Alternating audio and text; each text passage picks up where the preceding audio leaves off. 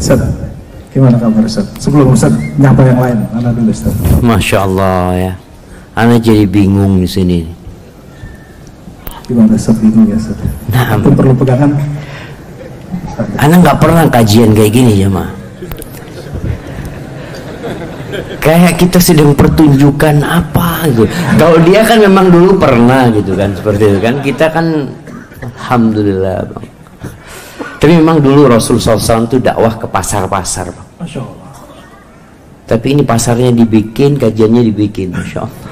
Kalau Rasulullah tuh ke pasar Ke pasar beneran memang Pasar. Rasulullah SAW. Ini sudah bukan baru dibikin. Ya paling nggak kemarin nggak dibikin ya Ustaz. Ah, siap. sudah jadi pasar dari kemarin Ustaz. Allahu Akbar. Nah, Ustaz, kira-kira gini Ustaz ya.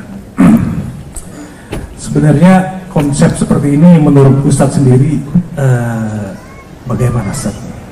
Ini harus anda tanyakan biar banyak menjawab pertanyaan juga. Masya Allah. Wallahu a'lam ya. Ana juga nggak bisa jawab jemaah.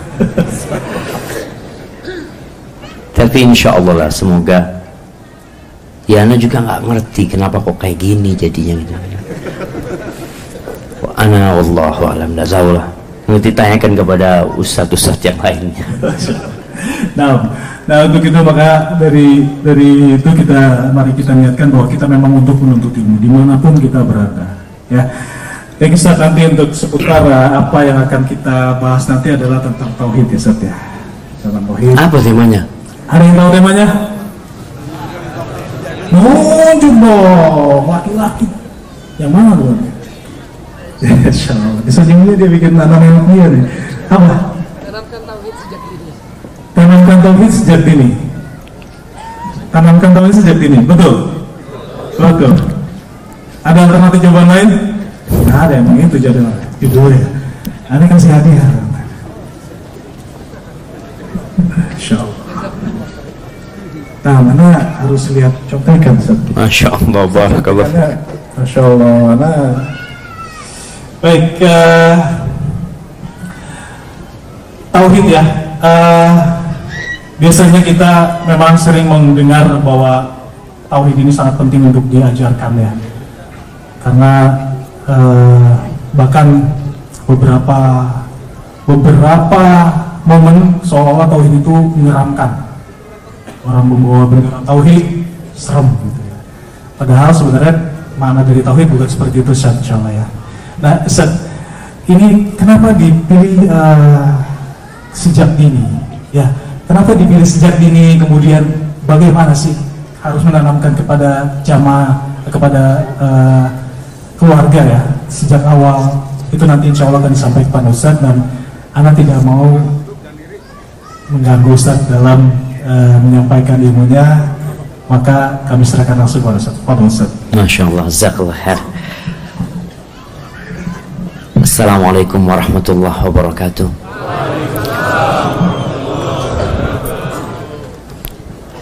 Alhamdulillah. Lahul hamd. Segala puji bagi Allah Azza wa Jalla karena baginya lah segala pujian. Semuanya milik Allah Azza wa Jalla. Kita pun yang ada di tempat ini yang sedang duduk bersama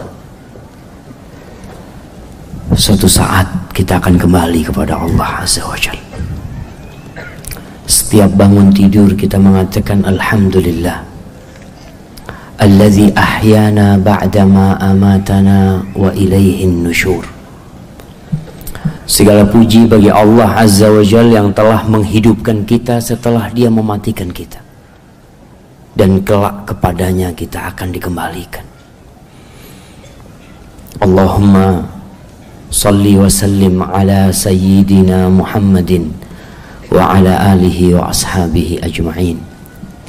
Ya Allah, semoga salawat dan salam senantiasa engkau curahkan untuk hamba kekasihmu untuk baginda Nabi kita Muhammad sallallahu alaihi wasallam yang semoga suatu hari kita bisa berduduk seperti ini dan di tengah-tengah kita ada Nabi Muhammad sallallahu alaihi wasallam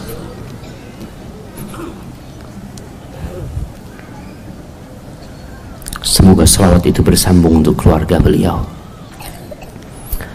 Untuk istri-istri beliau Untuk putra-putri beliau Dan untuk seluruh sahabat Nabi. Yang mereka merasakan bagaimana beratnya mengamalkan Islam ini.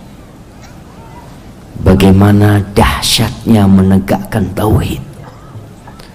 Sehingga sebagian sahabat itu tewas karena la ilaha illallah kenapa Bilal bin Rabah disiksa kenapa Sumayyah ibunda Ammar bin Yasir disiksa sampai akhirnya tewas ditikam kemaluannya dengan tombak oleh Abu Jahal karena la ilaha Semoga kita mati di atas la ilaha illallah. Amma ba'd. Jamaah rahimakumullah. Mungkin anak biasa memberikan materi tentang keluarga. Tapi terkadang kita lupa setelah kita berkeluarga, setelah kita memilih pasangan hidup kita, lalu kita menikah, kemudian kita memiliki anak mau dibawa ke mana anak itu Allah Azza wa Jal mengatakan al-malu wal banun zinatul hayatid dunya harta dan anak adalah perhiasan kehidupan dunia Antum hidup tanpa memiliki harta, mungkin sepi kehidupan antum. Memiliki banyak harta tapi tak punya anak, serasa malam tanpa bintang yang menerangi. Allah jadikan anak itu belahan jiwa. Pelipur lara, penyejuk pandangan, tapi dia itu amanah dari pencipta ada yang mungkin lama nggak punya anak atau sampai hari ini belum dikasih anak anak tuh amanah mungkin ada banyak kerjaan yang harus antum selesaikan sebelum amanah itu datang. Antum melihat Nabi Ibrahim alaihissalam bertahun-tahun beliau nggak punya anak. Ternyata memang ada perjuangan yang harus beliau tuntaskan. Dan ketika punya anak, anak itu tambahan dari ujian yang harus beliau selesaikan.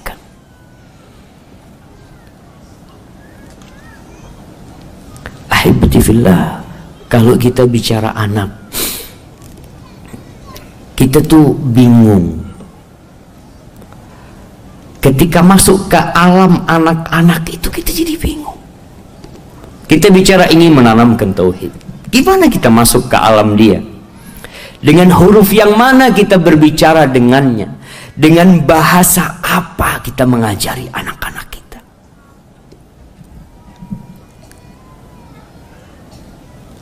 Berapa banyak orang tua yang menjadi penerjemah buat anaknya? Ketika anaknya bicara, ibunya mengatakan maksudnya dia itu ini. Ibunya faham. Bapaknya nggak faham kadang bapaknya hanya pinter bikin anak tapi nggak pandai ngajari anak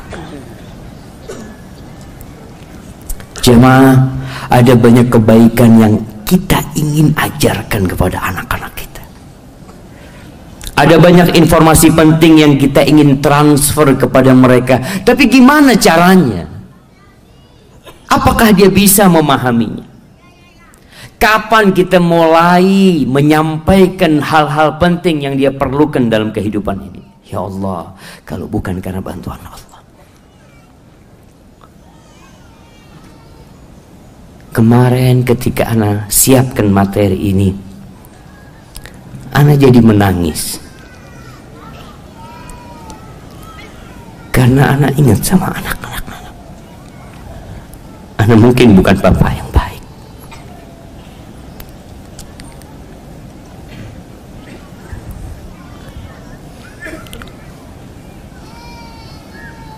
anak sering meninggalkan mereka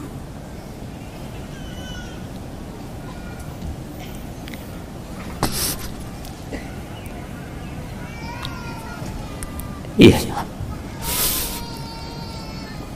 Waktu anda bersama mereka terlalu sedikit.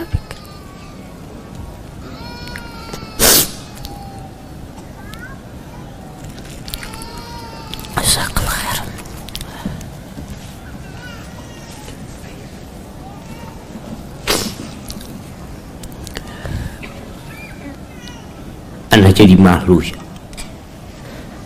karena mungkin Anda nggak pantas menyampaikan materi ini.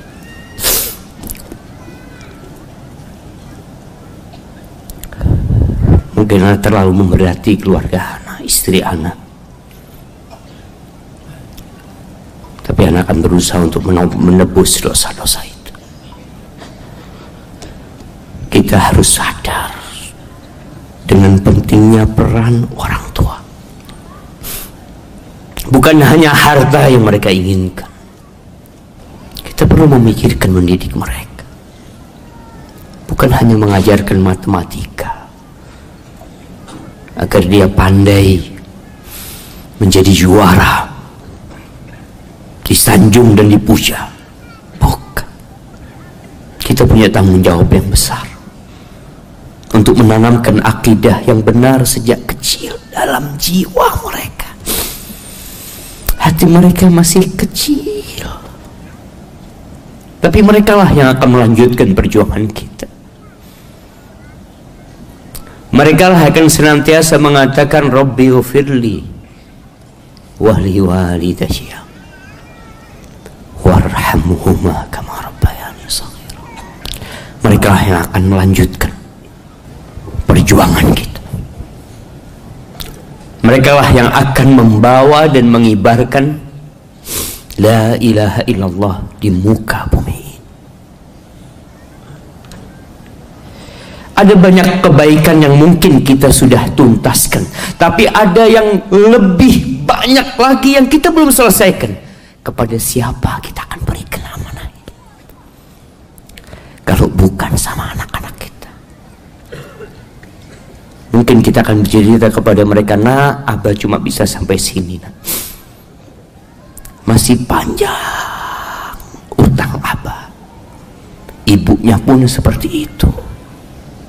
Dia mempersiapkan generasi yang kelak suatu saat tidak akan lagi menangis kecuali karena takut kepada Allah Azza wa Jalla. Tongkat estafet ini harus diberikan kepada mereka. Antum akan mati. Sebanyak apa pun harta yang antum miliki sejatinya buat mereka.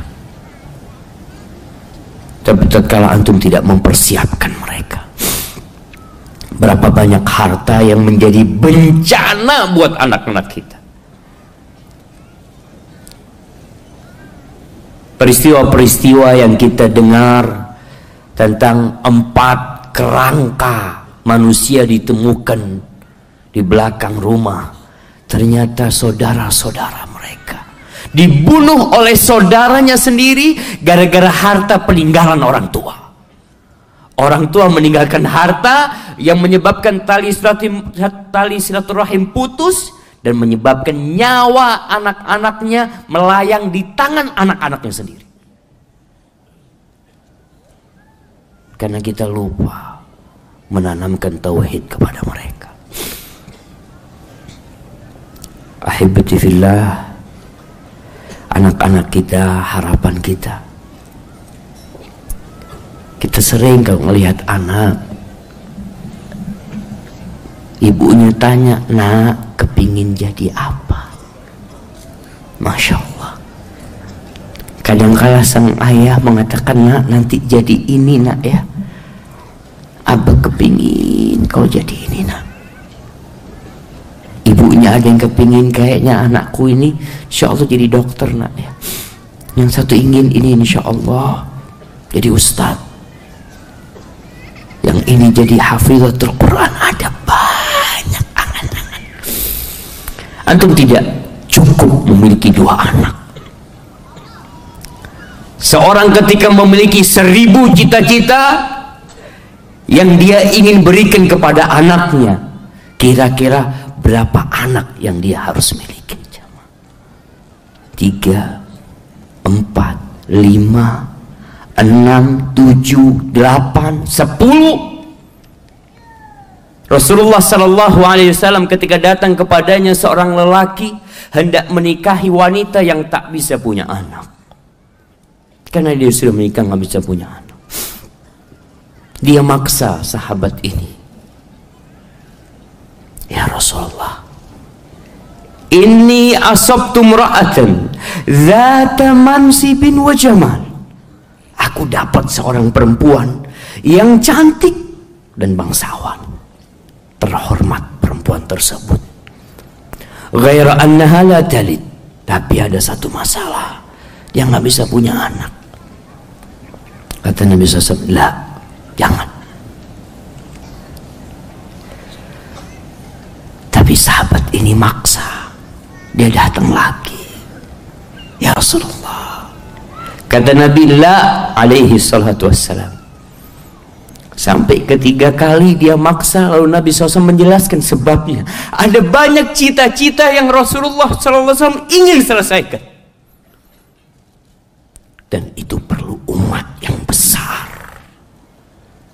Lalu beliau mengatakan tazawwajul walud al wadud Fa inni mukathir bikumul umam yaumal qiyamah. Kalian nikahi wanita yang subur, yang pengasih. Aku tuh ingin berbangga-bangga dengan banyaknya umatku pada hari kiamat.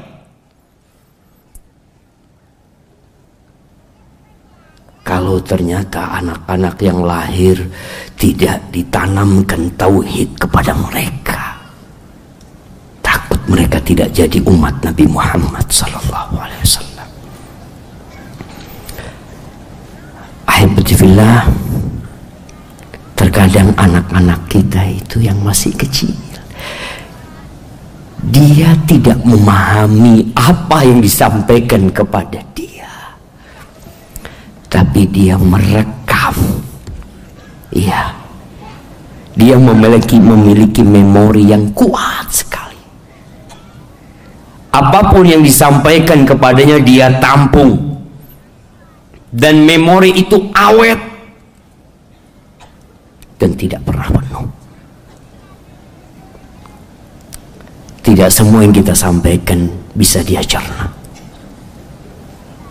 Peristiwa yang terjadi di sekitarnya juga mungkin dia tidak bisa memahami dan menyerap dalam-dalam nggak bisa. Pemahamannya mungkin dangkal. Sebagian orang ada yang menentang pendidikan anak mulai sejak dini. Mereka mengatakan, udah anak nggak usah diajarin, udah biar dia main aja, main. Dia belum bisa paham, ya. Tapi dia bisa menghafal Al-Quranul Karim. Walaupun tidak memahaminya. Dia bisa memahami, dia bisa menghafal hadis-hadis Nabi.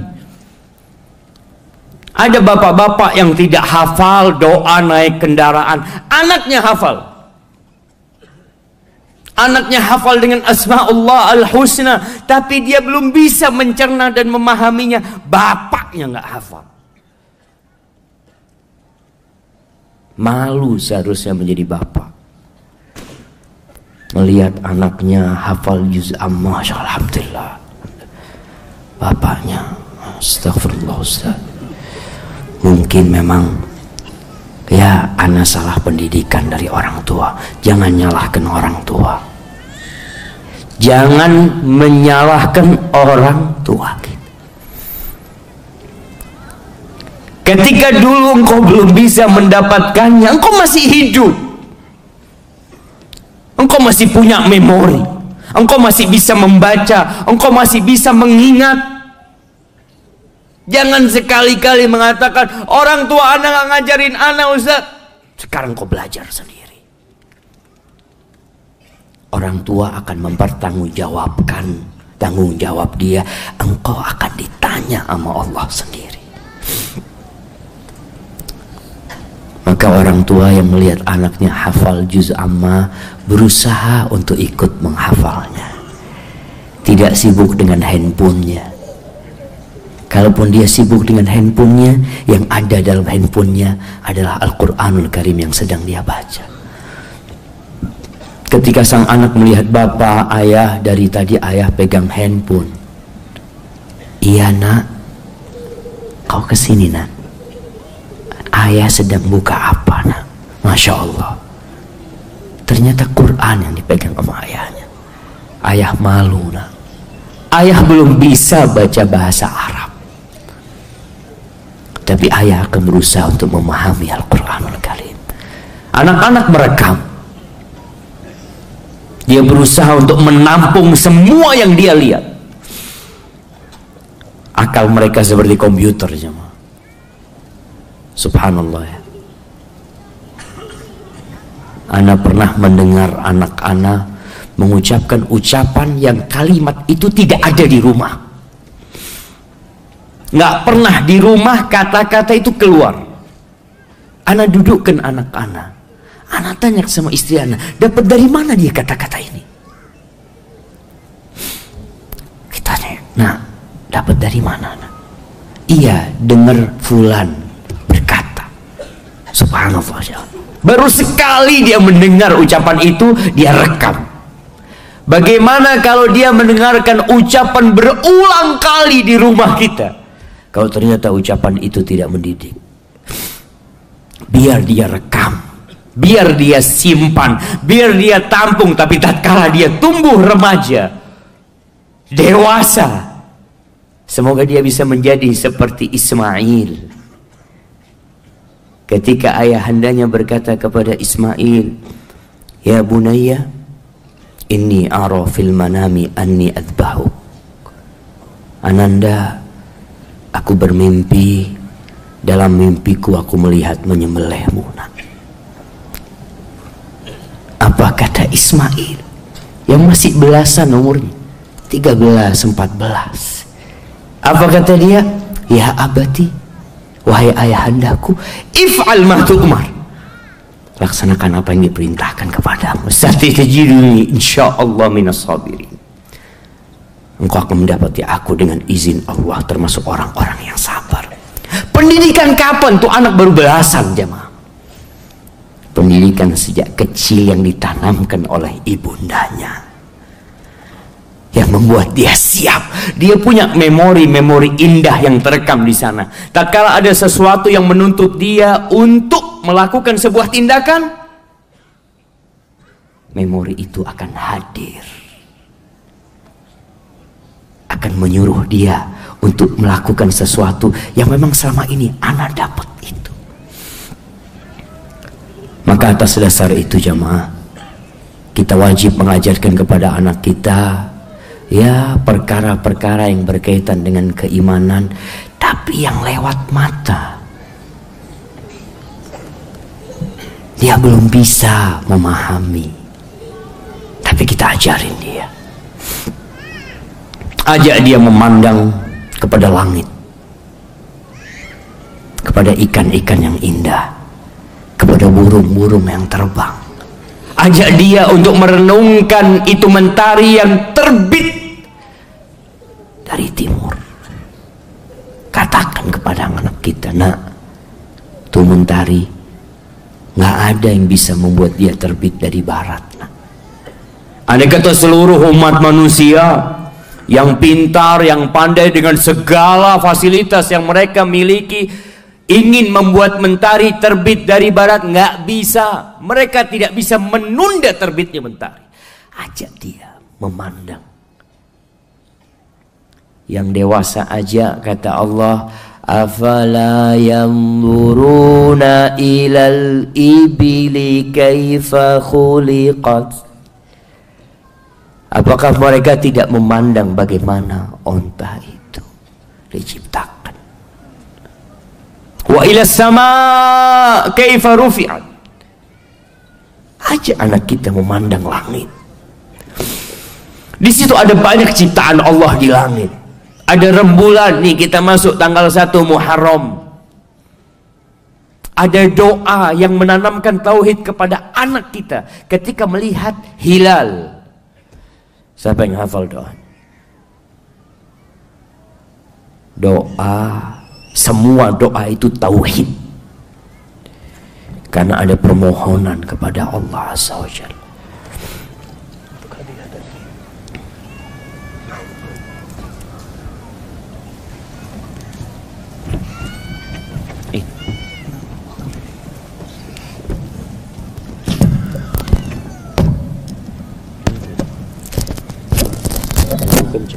mereka terasa terganggu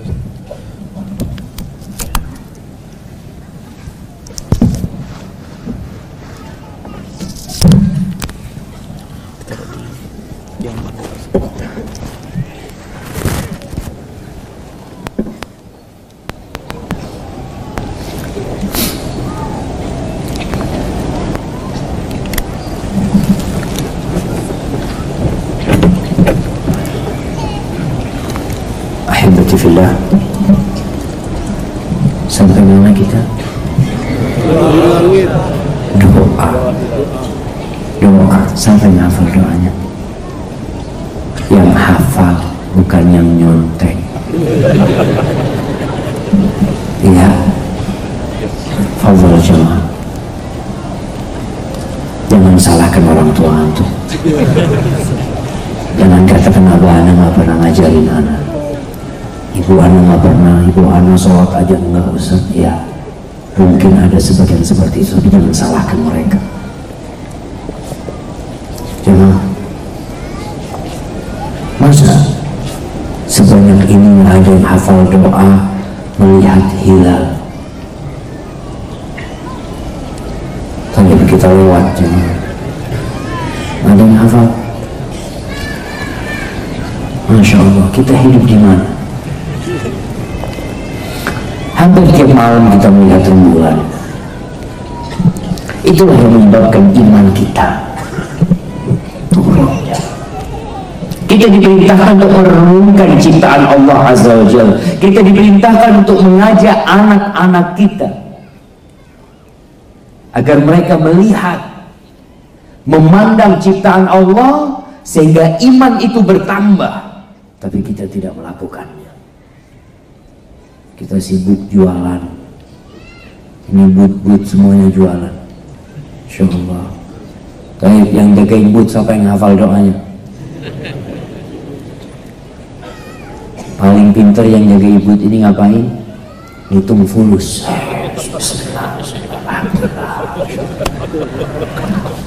Tapi lagi doanya jangan jangan takut ria enggak usah anda harus menyembunyikan ilmu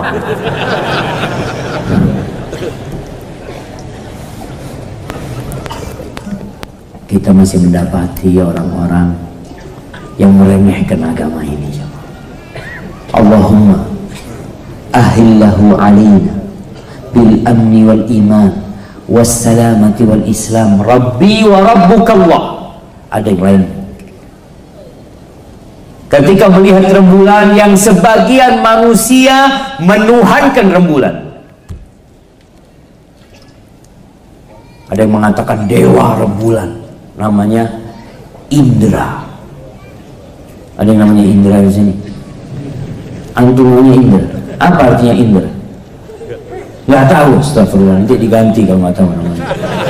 Kasih hadiah nggak apa Ada Indra, ada Chandra. Coba antum lihat. Ternyata itu nama-nama dewa-dewa.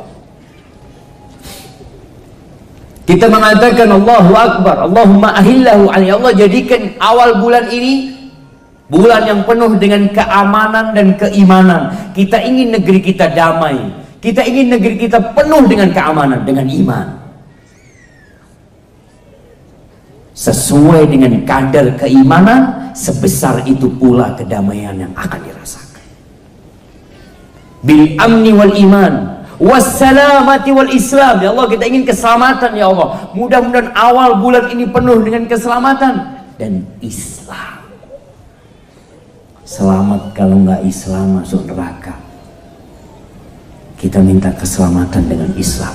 Lalu sebagai hamba makhluk yang diciptakan dia mengatakan Rabbi wa rabbukallah Robku penciptaku dan penciptamu sama yaitu Allah. Yang berhak disembah cuma Allah. Engkau hanya makhluk. Itu kita ajarkan kepada anak kita Ketika hujan turun, kita ajarin dia lagi. Nah, nih hujan dari mana turunnya? Dari atas sana. Tahu siapa yang menurunkan? Nah. Subhanallah ya. Allah itu maha baik ya. Iya. Ajarkan kepada dia tentang Allah Azza wa Jalla dengan apa yang bisa dia lihat, yang bisa dia rasakan. Pegang tangan anaknya taruh di dada atau bikin dia mendengarkan jantung kita berdetak. Setelah dia mendengar, nah, kau dengar. Iya ayah, aku dengar ada suara di dada ayah kata dia. Kau tahu itu suara jantung. Allah yang menggerakkan. Ketika berhenti selesai kehidupan ini. Ketika melihat lautan Allah jemaah. Banyak kalau bicara menanamkan tauhid kepada anak itu. Wa ilal ardi kaifa sutihat wa ilal jibal kaifa nusibat. Kita tuh kalau naik mobil kadang-kadang kelihatan ya Allah gunung ya anak senang melihat gunung. Itu nak gunung Allah yang menciptakan sebagai pasak buat bumi ini sehingga tidak bergetar. Selalu Allah yang diajarkan kepada dia.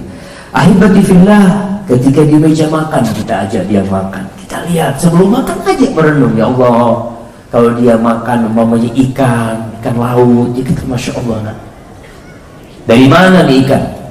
Kata anak, ya Umi beli. Iya. Di mana Umi beli? Di pasar. Baik. Emangnya di pasar ada ikan? Ya nggak ada lah ya. Diambil dari mana? Ya kayaknya dari laut kata dia. Yang ngasih makan ikan di lautan? Siapa jemaah? Apakah Menteri Perikanan kasih makan ikan di lautan? Untuk pernah melihat program kerja Menteri kasih makan ikan di lautan Indonesia. Tidak ada. Program kerjanya menyelamatkan ikan dari manusia-manusia. Kalau tuh ikan ada penciptanya, ada yang kasih makan tuh ikan. Berjuta-juta tiap hari ikan itu diburu. Tapi terus Allah berikan ganti. Allah Akbar. Ahibati fillah. Ada beberapa hal yang perlu kita perhatikan dalam mendidik, menanamkan tauhid kepada anak kita. Yang pertama, selamatkan fitrahnya dari kerusakan.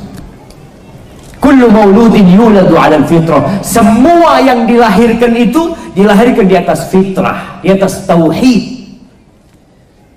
Dia mengetahui penciptanya, dia mengakui pencipta semuanya. Karena kalau manusia ditanya, kamu pernah menciptakan dirimu sendiri? Enggak. Lalu kamu ada begitu saja? Ya tidak. Ada yang menciptakan aku. Terus kenapa kita melihat banyak manusia yang berubah? Ada yang menjadi Nasrani, menjadi Yahudi, menjadi Majusi, menjadi Buddha, menjadi Hindu, menjadi macam-macam mereka dalam kehidupan ini. Fa'abawah. Itu kedua orang tuanya. Ya orang tua akan ditanya, kenapa anakmu nggak sholat? Kenapa anakmu melakukan kesyirikan? Kenapa anakmu berangkat ke dukun? Fa'abawahu yuhawidanihi Au yunassiranihi Au yumajjisanihi Itu karena kedua orang tuanya Karena lingkungan Maka kita harus menanamkan keimanan kepada anak kita Menjaga fitrahnya sebenarnya Luqman ketika memberikan wasiat kepada putranya apa kata dia? Ya bunayya la tusyrik billah. Wahai anak jangan melakukan kesyirikan kepada Allah. Sebagian masyarakat anaknya lahir kecil langsung dipasangin jimat. Dipasangin beberapa aksesoris sebagai prasarana untuk tolak balak. Karena kata mereka, anak ini kan belum bisa berdoa, belum bisa meminta keselamatan kepada Allah, maka kita kasih dia aksesoris keselamatan. Antum lihat kadang kala ada gelang di kakinya, gelang di tangannya, gelang atau tali di perutnya. Kenapa orang tua melakukan itu? Tanamkan tauhid sejak dini. Bayangkan Ibnu Qayyim rahimahullah taala ketika menjelaskan tentang hadis mengadani bayi yang lahir. Walaupun hadis itu diperselisihkan kesahihannya. Tapi poinnya yang anda ingin jelaskan beliau mengatakan sejak kecil yang perlu diperdengarkan kepada anak kita adalah tentang tauhid. Tentang Allah Azza wa Jal. Bagaimana dia mengatakan Rasul sallallahu alaihi wasallam kepada cucunya Hasan dan Husain. Nabi Ibrahim alaihissalam apa yang beliau lakukan kepada anaknya yang masih kecil yang belum bisa mempertahankan dirinya. Belum memiliki kekuatan untuk itu, tapi orang tuanya bisa memohonkan buat anaknya kepada pencipta langit dan bumi ini. Nabi biasa mengatakan u'iduka kalimatillahi tammat min syarri syaitanin wahama wa min kulli ainin lama. Sudah dilakukan. Aku memohon kepada Allah untuk keselamatanmu, perlindungan buat engkau dengan kalimat-kalimat Allah yang maha sempurna dari kejahatan ciptaan. Wallahi jemaah seperti itu diperdengarkan kepada anak kita. Perdengarkan kepada anak kita ayat kursi. Full tauhid semua. Sediakan belum bisa paham nah biarkan dia merekam. Biarkan. Engkau kan tidak cari keselamatan buat dia.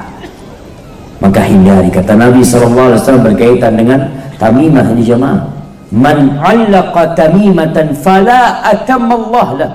Barang siapa yang menggantungkan tamimah, jimat atau apa aja.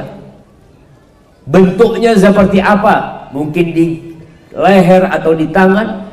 Apa kata Nabi? Semoga Allah tidak menyempurnakan buat dia. Dalam riwayat lain ada hadis yang man ta'allaqa tamimatan faqad asyrak yang menggantungkan jimat maka dia telah melakukan kesyirikan. Jangan. Tapi ada yang gangguin dia. Iya. Banyak pengganggu. Tapi hanya satu penyelamat yaitu Rabbul Alamin. Bukankah engkau yang doanya mengatakan Qul a'udhu bi rabbil falaq Qul a'udhu bi rabbin nas. Bukankah itu yang biasa kita panjatkan Lalu kenapa kita kasih jimat? Ummu Sulaim, ibunda Anas bin Malik. Anas bin Malik masih kecil, belum datang Rasul SAW ke kota Madinah. Bapaknya musyrik, ibunya udah masuk Islam. Ini anaknya yang kecil, biasa dia talqini didikte sama dia. Mengatakan ibunya mengatakan qul la ilaha illallah. Nak katakan la ilaha illallah. Qul asyhadu an la ilaha illallah. Katakan nak. Aku bersaksi dan yang berhak disembah kecuali Allah azza wajalla bapaknya tahu. Bapaknya musyrik. Apa kata bapaknya? La tufsidi alabni jangan dirusak anakku. Padahal ibunya sedang menjaga anaknya semua bentuk penyimpangan dari tauhid itulah kerusakan. Terus ibunya nggak urusan. Kata ibu inilah ufsidu nggak aku nggak merusak tenang kau. Makanya tugas para ibu untuk menanamkan tauhid kepada anaknya. Kalau sang kalau sang ayah mungkin belum bisa karena kesibukan dia tak perlu kau menyalahkan bapak mungkin semua pahala akan engkau dapatkan karena ibunya yang ngajarin tauhid ibunya yang ngajarin baca Al-Quran. Bapaknya cuma ketawa-ketawa Alhamdulillah, Alhamdulillah, Masya Allah. Siapa yang dapat pahala? Ya mudah-mudahan ibunya yang dapat pahala. Bapaknya kan cari fulus Ustaz. Ya dapat fulus. Nah cari fulus dapat fulus ya. Yang kedua tanamkan keimanan kepada malaikat bukan ditakut-takuti setan. Kebanyakan anak-anak kecil itu bukan kenal sama malaikat kenalnya sama siapa? hantu. Pocong. Iya awas. Ada pocong sana. Subhanallah. Padahal yang rukun iman itu hantu apa malaikat kita beriman kepada malaikat. Ini yang perlu ditumbuhkan sehingga dia menjadi orang yang berani untuk menghadapi segalanya. Ini yang kadang kala kita salah kaprah mendidik anak kita. Kalau kita lihat di surat At-Tariq Allah mengatakan ayat keempat In kullu nafsin lamma 'alaiha hafiz tidak ada satu jiwa pun kecuali ada malaikat yang menjaga. Jadi anak itu ya Allah ya Allah itu baik ya. Ada malaikat yang jagain. Sehingga dia jadi berani. Yang pertama karena beriman kepada Allah Azza wa Jalla. Beriman kepada malaikat-malaikat Allah. Kemudian yang ketiga beriman kepada hari akhir. Ceritakan tentang surga dan neraka kepada mereka. Tapi jangan sampai anak itu selalu ditakut-takutin sama neraka. Eh awas masuk neraka. Masuk neraka. Kadang-kala itu anak gara-gara sering ditakut-takutin sama neraka. Kalau dia lihat ibunya menyakitin dia apa kata anaknya? Mama masuk neraka.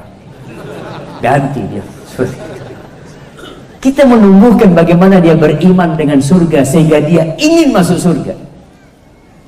Kita tumbuhkan keimanan dengan neraka supaya dia tahu apa saja amalan yang membuat dia masuk neraka. Bukan untuk kita takut-takutin terus. Keimanan. Kadangkala anak kepingin sesuatu, orang tuanya tidak bisa, nak. Abah mungkin belum bisa, nak ya. Doa, nak. Nanti kalau masuk neraka, semuanya bisa didapatkan. Antum kalau kalau masuk surga, kalau masuk surga semuanya bisa didapatkan. Apa aja yang kau inginkan. Dihibur anaknya dengan seperti itu. Masih ingat seorang sahabat yang mengatakan kepada Nabi SAW, ini sahabat paling suka sama kuda. Nah, ada orang yang memiliki hobi macam-macam di dunia ini. Dia bertanya, "Ya Rasulullah, afil jannati faras?" Apakah di surga ada kuda?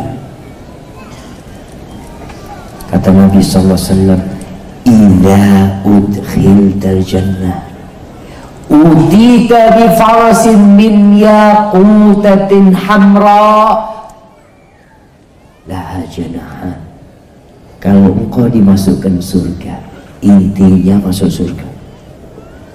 Akan didatangkan kepadamu seekor kuda yang tercipta dari permata yang warnanya merah dan dia memiliki dua sayap yatiru bika au tatiru bika haitsu tasha dia akan terbang bersamamu ke mana pun engkau inginkan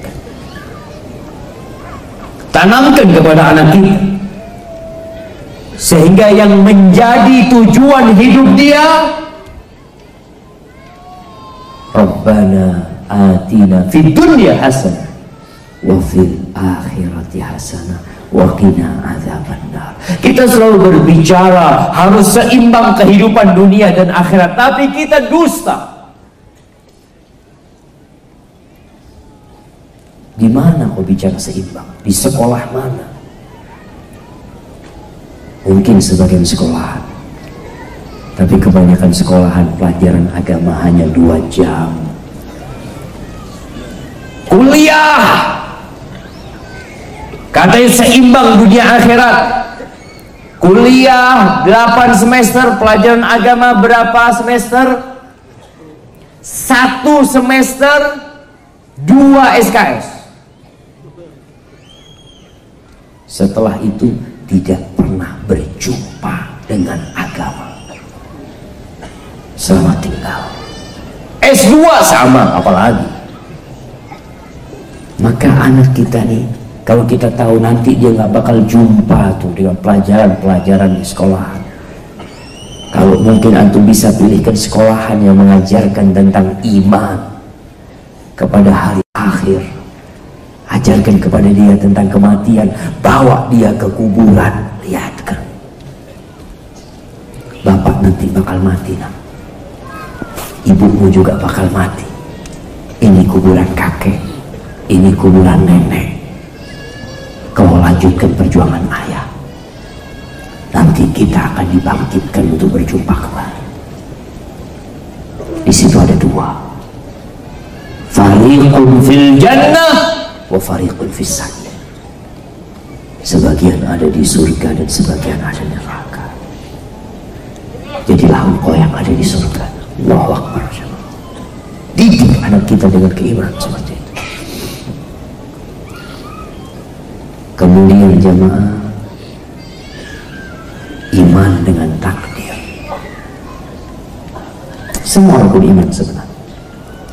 Tapi beriman dengan takdir ini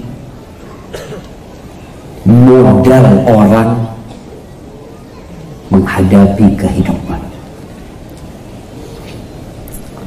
Ketika Abdullah bin Abbas dibonceng sama Nabi SAW diajari sama Nabi beberapa kalimat umurnya masih 11 tahun mungkin dia.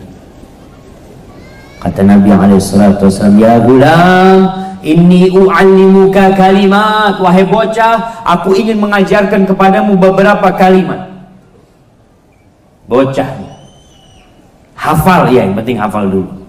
Ihfadillah yahfadka. Ihfadillah tajidhu tujah. Wa idza sa'alta fas'alillah. Jagalah Allah Allah akan menjagamu. Jagalah Allah engkau akan dapatin Allah di hadapan. Wa idza sa'alta fas'alillah. Kalau engkau meminta minta sama Allah minta apa? Wa idza sta'anta fasta'in billah. Engkau perlu pertolongan jangan panggil bapakmu. Jangan panggil kakekmu. Kebanyakan kita ajarin kau ada apa? Ngomong sama ayah. Telepon sama ayah. Subhanallah. Ajarkan. Ayah nggak mungkin mengawasimu 24 jam. Tapi ada Rabbul Alamin yang dia tidak tidur. Minta tolong minta tolong sama Allah Lalu ini pelajaran tentang iman dengan takdir. Wa'lam law ijtama'at ala an yadurruka bi syai' lam yadurruk illa bi syai'in qad katabahu Allah 'alaik.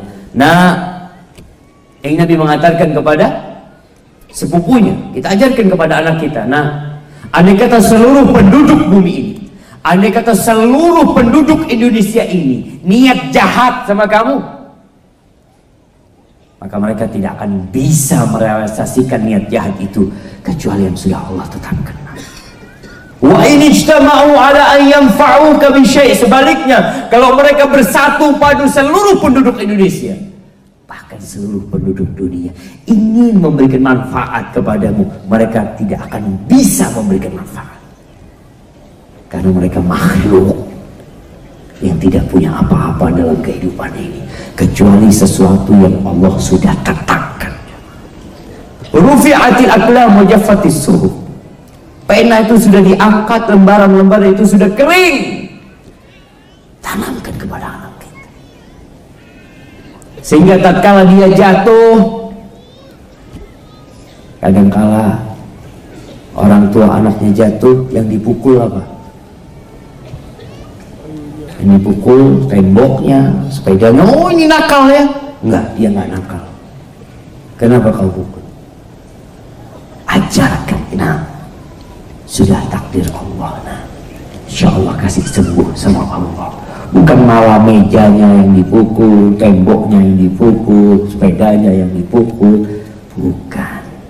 Ajarkan iman bahwa apa pun yang akan engkau hadapi semua sudah ditetapkan terus apa yang harus kita lakukan ayah sabar dan bersyukur kepada Allah Azza wa Kemudian yang terakhir coba. Jangan berhenti menanamkan keimanan kepada anak kita. Ketika kita lihat dia sudah remaja, ketika dia mungkin sudah dewasa, ketika dia sudah menikah, seakan-akan berhenti orang tuanya menanamkan tauhid, menanamkan keimanan, menanamkan akidah yang benar, nggak ada berhenti kita. Manusia itu suka lupa, maka terus ditanamkan kepada mereka. Nabi Yaqub alaihi salam Allah mengatakan am kuntum syuhada idh hadara Yaqub al-maut. Apakah kalian hadir? Menjadi saksi ketika ajal datang menyumpai Yaqub. Idh qala li Nabi Yaqub sudah tua renta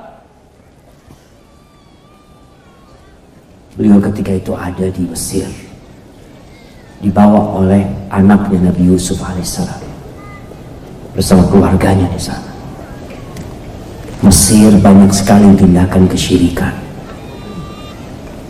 yang menyembah api, yang menyembah berhala, yang menyembah mentari banyak dewa-dewa dan udzubillah syirkin. Nabi Yakub berada di negeri seperti itu, dia kumpulkan anaknya sebelum mati. Lalu dia mengatakan kepada anaknya, "Ma ta'buduna min ba'di?" Apa yang kalian sembah setelah aku mati? Jangan sampai kalian bertauhid ketika ada bapaknya saja. Apa yang kalian sembah setelah aku mati? Qalu na'budu ilahaka wa ilaha abaika Ibrahim wa Ismail wa Ishaq ilaha wahida wa nahnu lahu muslimun. Kami akan tetap beribadah menyembah Tuhanmu sesembahanmu sesembahan bapak-bapak sesembahan Nabi Ibrahim Nabi Ismail Nabi Ishak Tuhan yang Esa dan kami akan berserah diri kepadanya begitulah jemaah para nabi mengajarkan tauhid sejak dini sampai mau mati. Rasulullah Sallallahu Alaihi Wasallam sama beliau peduli sama umatnya. Awal dakwah beliau kepada tauhid, mengajak orang-orang untuk mengatakan Qulu la ilaha illallah. Lima hari sebelum beliau meninggal dunia, beliau sedang sakit. Ummu Salamah dan Ummu Habibah cerita tentang gereja-gereja yang ada di Habasyah yang di situ ada gambar-gambar di dalamnya. Kata Nabi SAW, Ulaika syirarul khalqi indallah. Mereka adalah manusia-manusia yang paling jahat di sisi Allah Subhanahu taala. Kalau mati di antara mereka dikuburkan di gereja-gereja mereka. Kemudian dikasih gambar-gambar itu. Maka Nabi SAW tidak ingin masjid menjadi seperti itu wa annal masajid lillah masjid itu hanya milik Allah fala tad'u ma'allahi ahada dan sebagai penutup sebelum kita masuk sesi tanya jawab berdoa orang tua jangan berhenti berdoa minta tauhid buat anak kita sering doa minta supaya anak kita sukses supaya dapat kerjaan, supaya anak itu diterima di sebuah kampus. Banyak doa-doa kita. Pertanyaannya, pernahkah antum memohon kepada Allah agar anak-anak dijauhkan dari kesyirikan? Nabi Ibrahim alaihissalam, Imamul Hunafa, beliau berkata memohon kepada Allah, wajnubni wabani an na'budal asnam. Ya Allah, hindarkan aku dan anak keturunanku dari menyembah selainmu ya Allah menyembah berhala-berhala itu Nabi takut kita kadang kadang nggak pernah berdoa seperti itu Hadza wallahu a'lam bishawab. serahkan kepada MC Fadlan.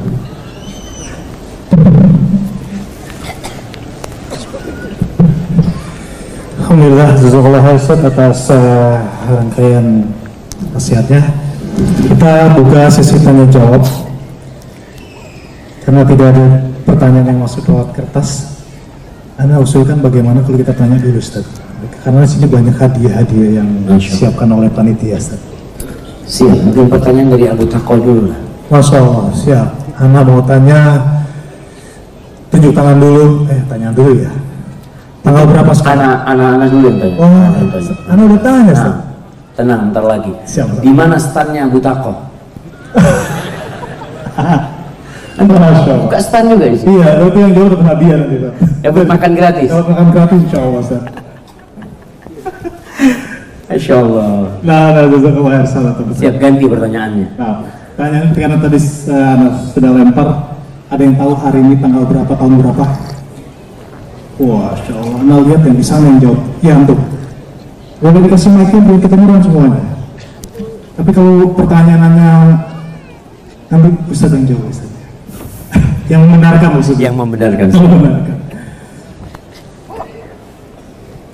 Bismillahirrahmanirrahim. Nama Irfan, Irfan. Bang Irfan berdiri deh. Nah, Masya Allah. Follow. eh, hari ini tanggal 1 Muharram tahun 1441 Hijriah. Masya Allah. Oke, Ustaz. Masya Allah. Betul. Antum lahir tanggal berapa? Dua hadiahnya kalau bisa jawab.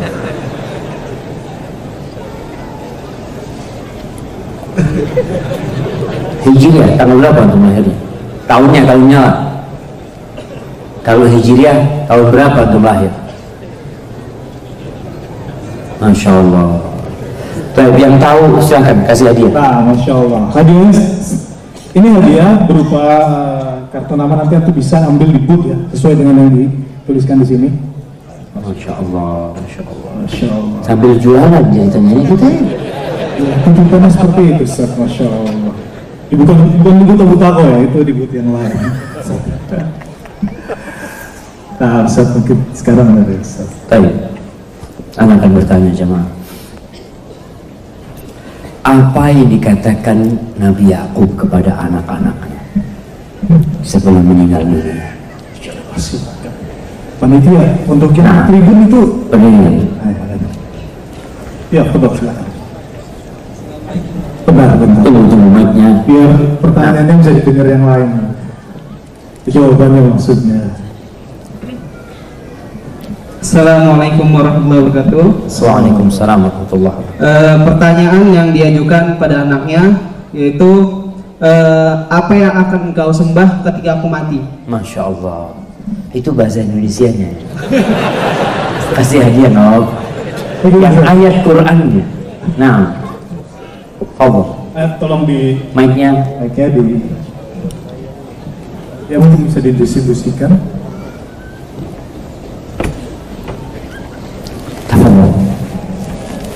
Ya bunayya mata dulu ba'di Ya baniya Ya. Bani. Idh qala li banihi ma ta'buduna min ba'di? Ya Masya Allah Kasih hadiah Masya Allah Kasih hadiah Ustaz. Artinya apa? Wahai anakku Apa yang akan kau sembah setelah keberianku Masya Allah namanya siapa? Sunan Arsila Ustaz Sunan. Muhammad Sunan Arsila Masya Allah Ada sunan baru gitu Anda harus berpesan, moga nanti jangan di jadiin wisata religi. kalau kalau ini. Mati Ah, ya. jangan. Allah Akbar Baik pertanyaan selanjutnya jemaah Ustaz. Anak apa? Berapa juga anak Nabi Yakub alaihissalam Nabi Yakub. Masya Allah Ini angkat tangan duluan. Nah Kasih ini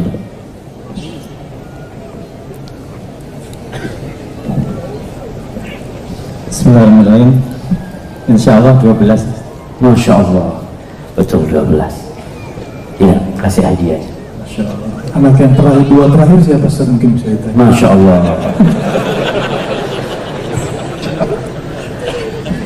Nah Anaknya 12 Istrinya berapa? Mic-nya tahu? Istrinya Nabi Yakub. Itu itu itu, itu.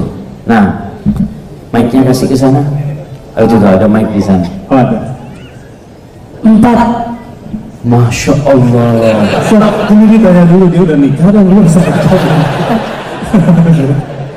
Bapaknya, istrinya berapa? Nah, silakan. Bapaknya istrinya berapa? Satu. Satu. Kalau nambah gimana bapaknya kira-kira? Pegang mic. Boleh nggak bapaknya nambah? Enggak. Oh, nggak boleh bapaknya nambah. Kasih hadiah.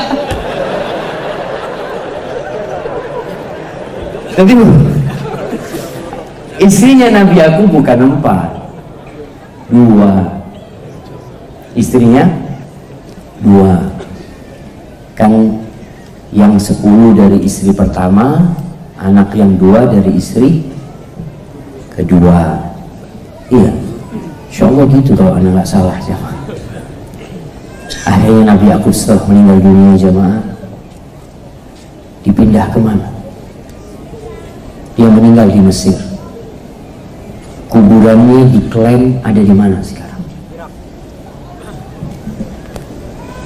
Nah, kasih mic. Berdiri ya?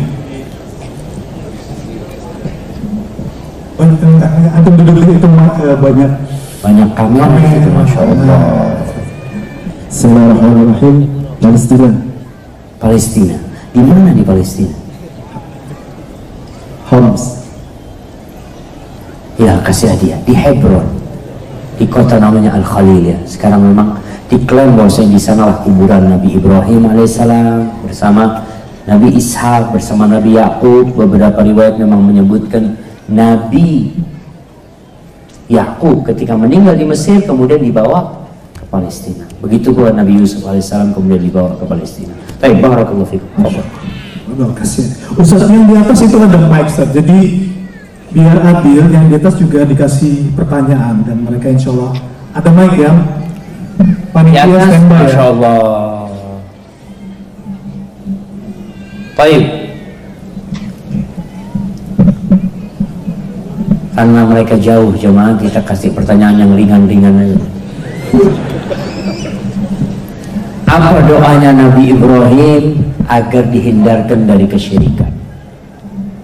Nah, buat yang duduk apa berdiri? Pahalanya itu lebih banyak yang duduk apa berdiri jemaah? Yang berdiri itu telat. Gimana lebih banyak yang berdiri? Dia telat dia. Kayaknya bagi buat yang duduk. Yang duduk nggak bisa jawab cuma.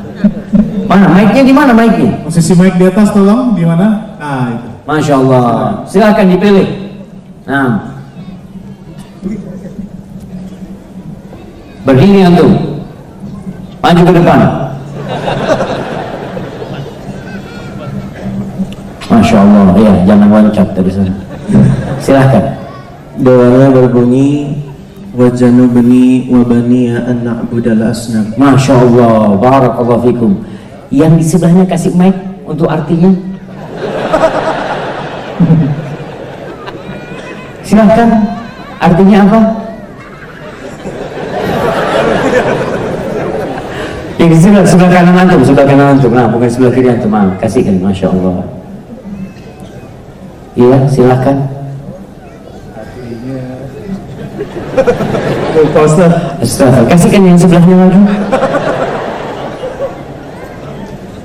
Boleh ditanya namanya? Nah, silakan yang pakai baju merah. Itu udah pegang mic. Ini supaya tahu tadi itu nonton apa gitu loh di atas sana gitu loh. Kita ini habis kajian. Nah, silakan apa artinya? Lupa juga. Kasih sebelahnya lagi. Iya, silakan. Langsung kalau lupa bilang lupa. Kalau nggak tahu nggak tahu. Ya Allah, jauhkanlah dari segala kesyirikan. Masya Allah. Kasihkan sebelahnya lagi. Eh, Insya Allah artinya Ustadz dalam bahasa Indonesia Iya bahasa Indonesia lah. Emang antum artinya dalam bahasa apa? Nah, silakan. Aku berlindung kepadamu ya Allah dari kesyirikan diriku dan anak keturunanku. Masya Allah, hampir kasih sebelahnya lagi. Itu kasih hadiah semua yang lewat kasih hadiah semua ya. Panitia yang ada di sana tolong dicatat namanya. Catat semuanya kasih hadiah. Catat namanya. Yang bisa jawab hadiahnya double. Yang nggak bisa, ya silakan sebelahnya. Lupa Ustaz. Ah ya kasih sebelahnya lagi. La adri Ustaz. Ah, lah di bahasa Arab lagi lah adri. Antum jangan kira dia itu bagus. Lah adri dia nggak tahu. ya yang sebelahnya. Lupa Ustaz. Ah, lupa lagi Allah. Sebelahnya, sebelahnya lagi. Itu yang kecil anaknya siapa itu? Saya Ustaz. Masya Allah. Berarti bapaknya nggak pernah baca doa itu buat dia dan anaknya. Masya Allah. Kasih yang sebelahnya lagi. Ya Allah, hina- hindarkanlah aku dan anak-anakku beserta keturunanku dari menyembah selainmu. Masya Allah jemaah. Ini yang benar kayaknya jemaah ya. Masya Allah. Iya, kasih hadiah lebih yang itu jemaah. Tolong panitia dicatat ya nama dan nomornya. Nanti di Di transfer nanti. Ustaz. Yang ibu-ibu juga kayaknya perlu Ustaz. Iya, oke. Ada mic ibu? Ada. Yang bagi di bawah apa di atas ibu? Bagian bawah, bagian bawah. Di atas ada Ata, di atas ada di bawah dulu bos. Baik, di bawah dulu. Siapa nama sahabat yang mengajarkan kepada anaknya agar mengatakan La ilaha illallah Yuk Udah Ya silakan mic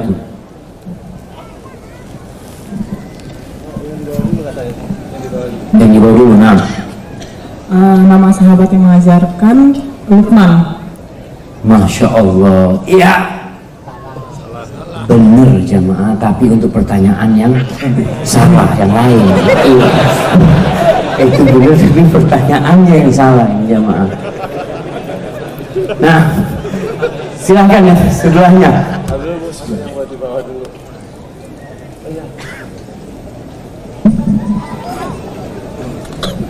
Silahkan Ibundanya Anas bin Malik, Ustaz. Ibundanya Anas Malik, Masya Allah. Siapa namanya? Wallahu a'lam. Eh betul, Ummu Anas bin Malik, nggak apa-apa kasih hadiah Ummu Sulaim, Masya Allah. Baik, yang di atas.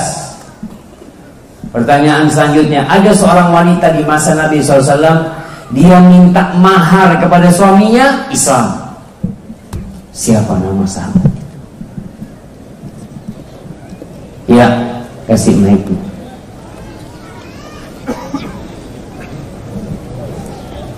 Nanti tolong dicatat nomor telepon sama namanya ya, panitia akhwatnya. Iya, silakan Silakan. Sama Ustaz, Ummu Sulaim. Masya Allah, barakallah fiik. Ya. Alhamdulillah. Lihat bagaimana seorang wanita mengajarkan kepada anaknya dan tak kala dia menikah pun yang dia minta Islam. Itu itu awal-awal Islam. Baik, barakallahu fikum. Ana rasa udah cukup pertanyaan atau masih banyak hadiahnya? Ada masih sekitar eh, lima paket hadiah dan buku-buku, tapi yang mungkin kita bisa kasih lempar pertanyaan ada lima pertanyaan lagi Ustaz. Masya Allah. Baik. Tadi kita membicarakan Nanti ketemu di bawah ya. ketemu sama siapa di bawah? Ini bahaya ini. Dan nanti kita ada sholat berjamaah di bawah maksudnya. Tapi wudhunya nanti tolong bergantian dan kita tidak bisa sholat berbarengan. Jadi ada di sekitaran sini juga ada masjid-masjid ya. Ya, Deng. Siap, siap. Pada saat lanjut lima pertanyaan. Baik.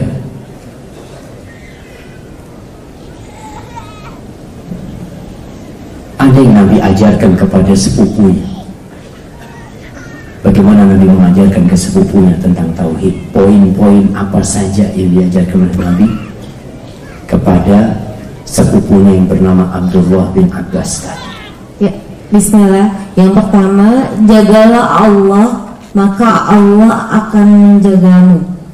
Jagalah Allah, Allah akan menjagamu. Yang kedua, Yang kedua, lupa Ustaz. Ya, kasih hadiah. Nah. Baik, lanjutan. Siapa yang bisa melanjutkan?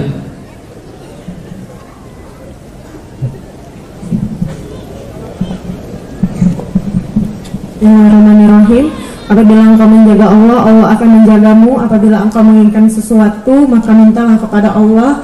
Dan apabila eh, seluruh rakyat ini mencelamu, maka Allah akan menjagamu. Dan apabila eh, rakyat ini memujimu, tetapi tak kalah. Siap, Masya Allah, nggak apa Sebelahnya lagi yang ngoreksi. Kasih hadiah, nggak apa Tadi yang jawab kasih hadiah. Baik, yang kadang kala jawaban kita itu jamaah Ketika kita tidak mencatat Ustadz nyampaikan satu jengkal Antum sampaikan di luar Itu satu hasra Atau sebaliknya Ustadz nyampaikan satu meter Antum sampaikan cuma 20 cm gitu Maka ini perlu diluruskan Saya, siapa yang akan menyempurnakan poin-poin yang diajarkan Nabi kepada keponakannya sallallahu alaihi nabi wasallam. Ada Ustaz. Nah, silahkan. Ya. Jagalah Allah, maka Allah akan menjagamu. Jika engkau mau minta sesuatu, mintalah kepada Allah. Jika engkau mau minta perlindungan, maka berlindunglah kepada Allah. Jika dan ketahuilah bahwa jika seluruhnya, andai seluruh umat di muka bumi uh, hendak mencelakakanmu, uh, jika Allah tidak berkehendak, maka engkau tidak akan celaka. Dan andai seluruh umat di muka bumi uh, akan berkumpul untuk menolongmu, namun jika Allah tidak berkehendak, maka Allah tidak, maka hal itu tidak akan terjadi. Masya Allah. Betul jemaah? Ada satu poin lagi. Jagalah Allah, engkau akan mendapati Allah di hadapanmu. Dan penutupnya, siapa yang tahu penutup hadis tadi? Apa-apa udah banyak hadiahnya. Nah, silahkan. Apa penutup hadis tadi?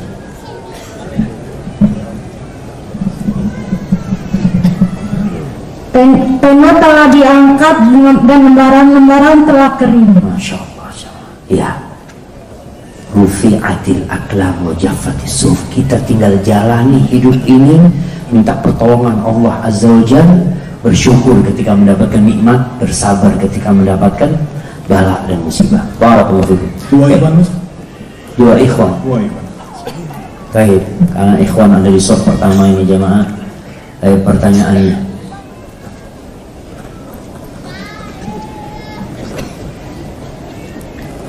sebutkan rukun iman Masya Allah Iya, Fadol, mic-nya kasih Baik, baik, baik. Berdiri boleh, depan kan. Bismillahirrahmanirrahim. Rukun iman. Iman Ada berapa? Ada enam. Ya, Rukun iman ada enam. Iman kepada Allah, iman kepada malaikat Allah, iman kepada Rasulullah, iman kepada kitabullah, iman kepada hari kiamatan, iman kepada qadar dan qadar. Masya Allah, ya nggak apa-apa lah ada yang keselip dikit. Iman kepada kitab-kitab Allah, iman kepada Rasul, Rasul Allah. Ya, barakallahu fikum. Baik, pertanyaan terakhir. Ini hadiahnya yang paling besar Allah. Ya, hadiahnya yang paling besar. Dua, tiga, empat, lima hadiah kumpulin jadi satu. Pertanyaannya, bagaimana menanamkan akidah kepada anak sejak dini? Berarti ini ringkasan kajian Ustaz. Antum tadi angkat tangan. Antum udah keluarga? Hah? Udah, oke. Berdiri antum. Mic-nya kasih. Ustaz, hadiahnya yang di tangan anak nih semua Ustaz. Masya Allah ya. Silakan berdiri. Nama siapa nama? Assalamualaikum warahmatullahi wabarakatuh. Waalaikumsalam warahmatullahi Dengan wabarakatuh. siapa? Amri Pak Amri dari dari Tangerang. Teman. ya, Siap. Ayo, Pak. Eh, menurut Boleh Ustaz, lihat handphone. Boleh, boleh. Oh, boleh. Karena kan tadi suruh nyatet katanya. Salah ya? Gimana kalau udah nyatet nggak boleh baca? Boleh dibaca.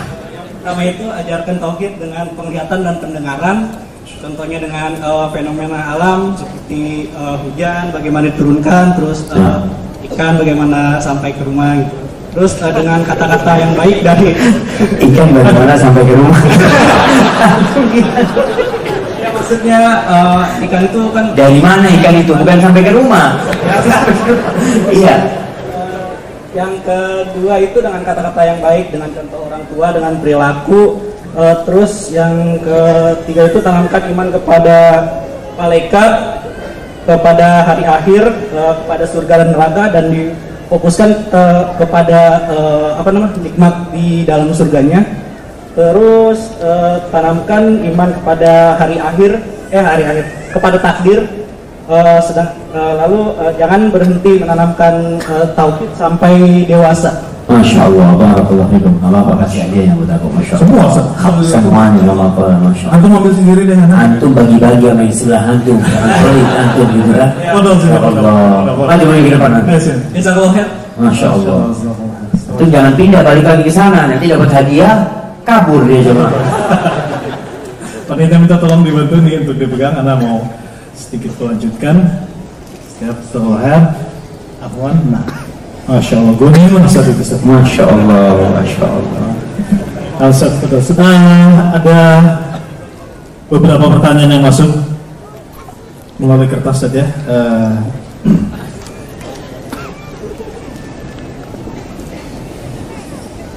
enaknya dibacakan atau Ustaz? Kalau antum mau bacakan, jangan yang sulit-sulit. Siap. Nah, jazakallah khair atas eh, pertanyaan yang sudah masuk ya. Ini ada eh, pertanyaan yang anak langsung eh, bacakan saja. Bismillahirrahmanirrahim. Assalamualaikum Ustaz. Waalaikumsalam. Semoga Allah senantiasa melimpahkan rahmat dan hidayahnya untuk kita semua. Ketika kita ingin mendidik anak kita tentang tauhid, namun orang tua kita, kepada Allah orang tua tinggal bersama saya, punya pandangan yang berbeda tentang metode mendidik anak. Apa yang harus dilakukan? Jazakallah khair. Assalamualaikum. Barakallahu. Iya jemaah. Mungkin ada yang tinggal bersama orang tua yang belum mengerti dan memahami. Maka tugas kita dua. Bukan hanya menanamkan tauhid kepada anak, tapi juga menanamkan tauhid kepada orang tua. Bagaimana Nabi Ibrahim menanamkan tauhid kepada orang tuanya, tapi orang tuanya menolak. Dan itu salah satu kendala dakwah. Tapi harus sabar. Maka ketika ada pandangan-pandangan yang tidak tepat dengan orang tua, antum duduk sama orang tua, cari waktu yang tepat. Sampaikan kepada orang tua maafmu. Katakan mohon maaf ayah. Terima kasih ayah, terima kasih ibu. Tapi untuk perkara yang ini nggak boleh ayah. Dari mana nggak boleh? Kita kasih penjelasan kepada ayah kita. Karena kita tidak boleh membiarkan anak kita kemudian terdidik dengan kesyirikan. Kita lihat bagaimana anak-anak kita suka nonton film-film yang mengajarkan kesyirikan. Padahal bukan dia yang nyetel, tapi orang tuanya yang menghidupkan. Maka tugas kita adalah menghindarkan dia dari yang seperti itu. Ada wallahu a'lam Ustaz.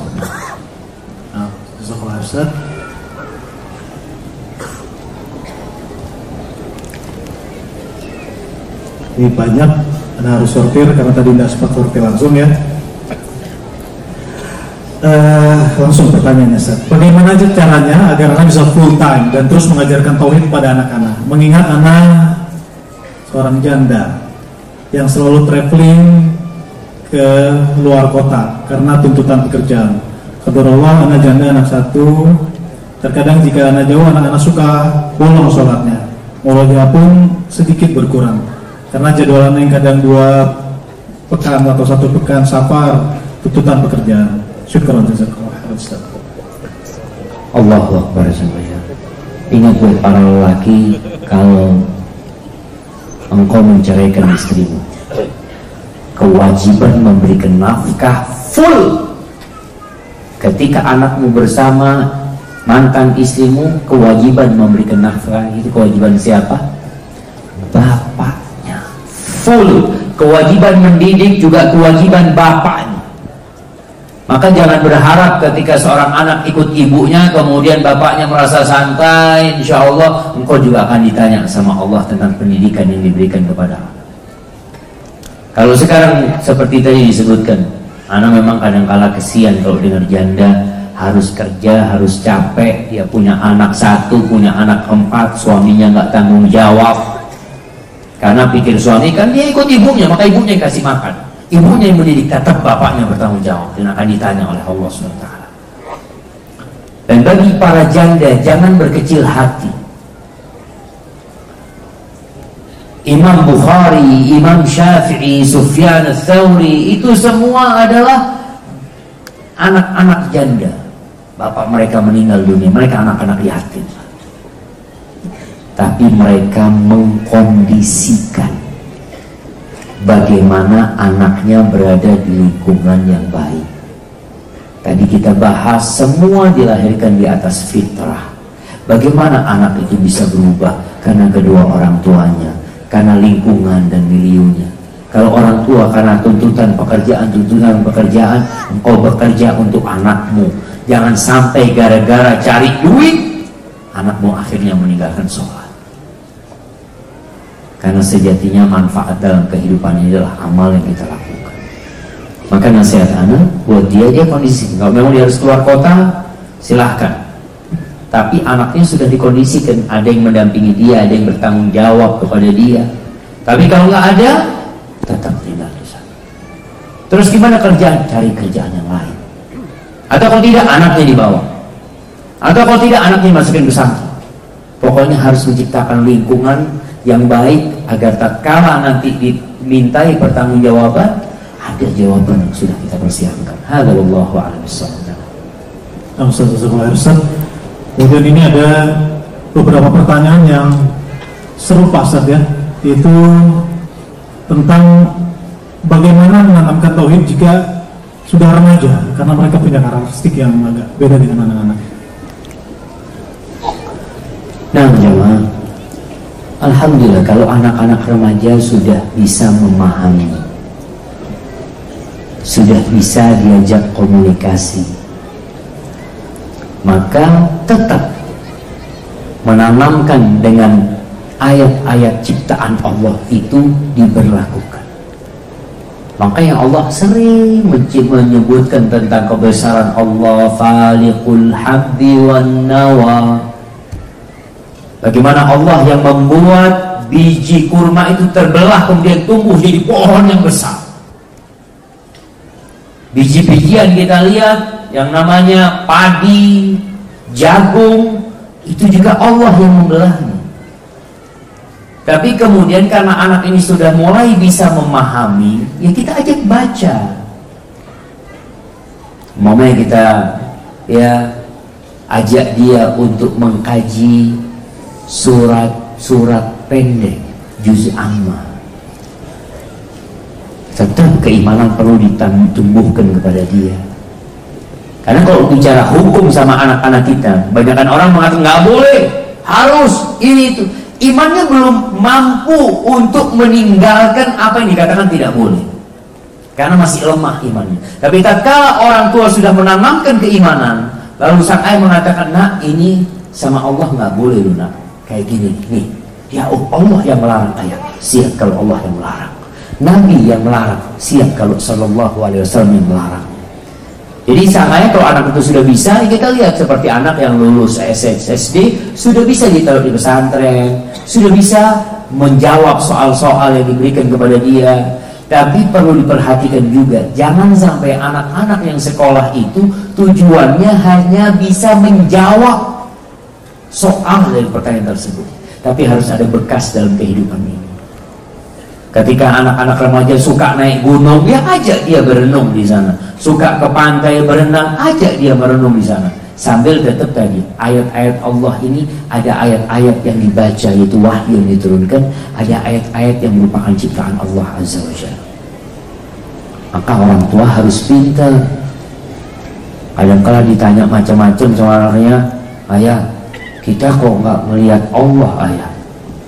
Gimana jawabnya pelajari bagaimana cara menjawab pertanyaan anak-anak. Halo Allah nah. Masya Allah ini ada pertanyaan yang mungkin uh, sedikit sedikit panjang. Bismillah. Ustaz mohon doanya. Saya sedang berusaha hijrah dari kelakuan buruk saya sebagai seorang uh, maaf pelayan laki-laki. Doakan saya istiqomah Ustaz karena sudah lama saya seperti ini dan kembali lagi melakukannya. Padahal saya sudah bertobat tapi saya terjatuh lagi dilakukan lagi. Saya takut nanti akan bertampak buruk terhadap keturunan anak saya Ustaz Syukran, jazakallah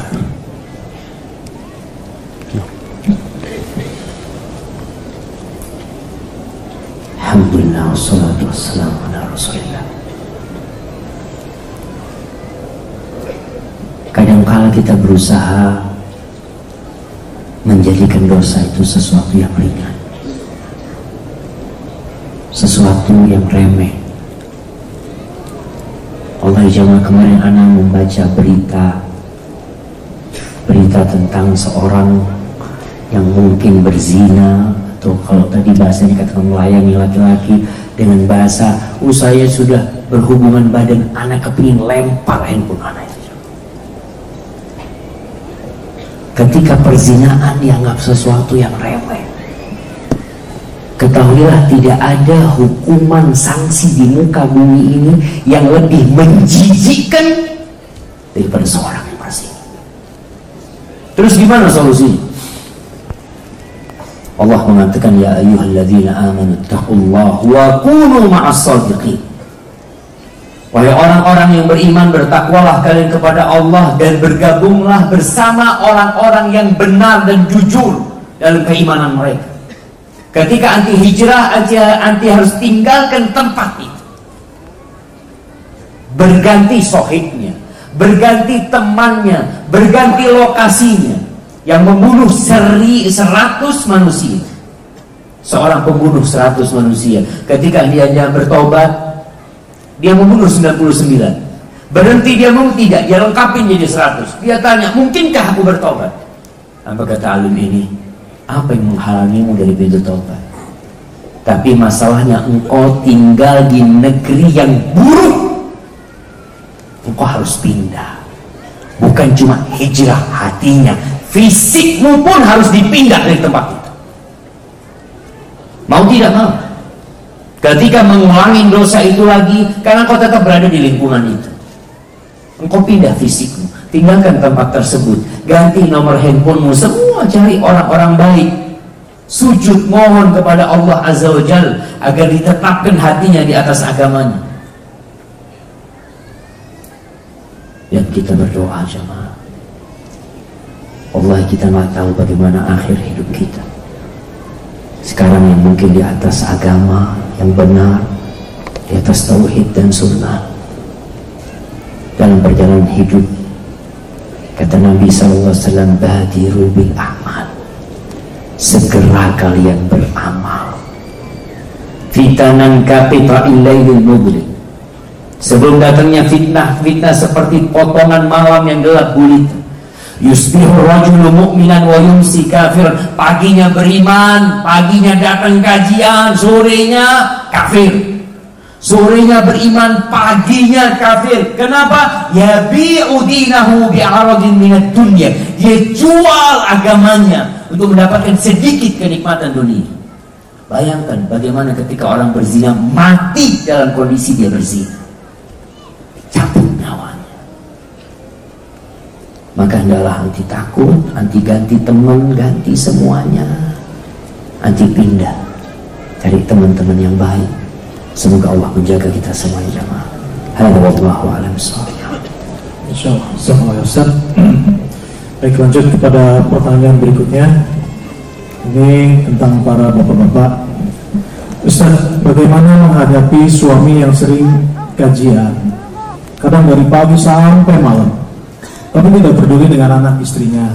Bahkan kadang pulang gajian tidak langsung pulang ke rumah, tapi ngumpul di rumah teman-temannya. Sudah Subhanallah. Berarti di rumahmu tidak ada daya tarik yang membuat dia pulang. Iya. Kalau ternyata suami suka kajian nggak pulang-pulang ke rumah, maka anti sebagai istri bikin kajian di rumah. Suami bang mau kajian? Sini. Kajian sama anda bang. Bismillah. Sampai jam berapa nah ikutin? Iya bikin suaminya. Suami demen kajian. Ada orang yang demen kajian. Maka seorang istri harus pandai mengkondisikan rumahnya menjadi indah buat suaminya. Kenapa? Suami kadang-kala males ngobrol sama istrinya sampai rumah ngobrol sama istri bang tahu bang fulan bang. Ya fulan kenapa iya kayak gini bang. Fulana kayak gitu. Iya suami nggak mau. Dia ingin ngobrolnya tentang agama anti bikin. Suami duduk bang. Kalau Allah Ta'ala. Suami langsung duduk suami. Ini anak demen ya kayak gini. Kalau bisa siapin mic di rumah semuanya kondisikan rumah itu bikin suami nggak kepingin keluar rumah artinya nih laki memang ada yang kayak gitu jangan istri berusaha untuk memperbaiki diri. Menjadikan rumah diri surganya. Ya anak juga ketemu sama laki-laki yang dia kenapa antum nggak pulang? Ustaz males Ustaz pulang Awal sampai rumah ditanya dari mana ini? Kerjaan macam-macam. Akhirnya dia milih itikaf di masjid. Habis maghrib itikaf. Kapan pulang? Nunggu lah istri tidur anak baru pulang tapi bayangkan kalau istri setiap suami pulang buka pintu Insya dia dengan uh, perhiasan yang indah ya dengan aroma yang masya Allah spesial banget hari itu buat dia. Lalu dia tanya bang kepingin apa bang? Oh suami tuduh tutup dulu pintunya masya Allah nah tapi kalau istri terus terang perempuan ini memiliki daya tarik yang gak kebayang Anda beberapa kali ingatkan Fir'aun itu Bagaimana dia membunuh bocah-bocah kecil bayi-bayi yang baru lahir dia sembelih. Ketemu istrinya istrinya mengatakan la taqtulu. Ketika ada bayi yang mampir ke rumahnya dari sungai Fir'aun mau membunuh kata istrinya la taqtulu jangan dibunuh asa ayan fa'ana au natakhidahu walada mungkin dia bermanfaat buat kita atau kita angkat anak apa kata Fir'aun? Ya udah. Istrinya yang ngomong. Jadi kalau istri sudah melayani suaminya dengan baik, insya Allah ya kita usaha ya. Tapi ada memang suami-suami yang nggak benar ya anti perlu ganti suami. Betul boleh dalam agama ganti suami.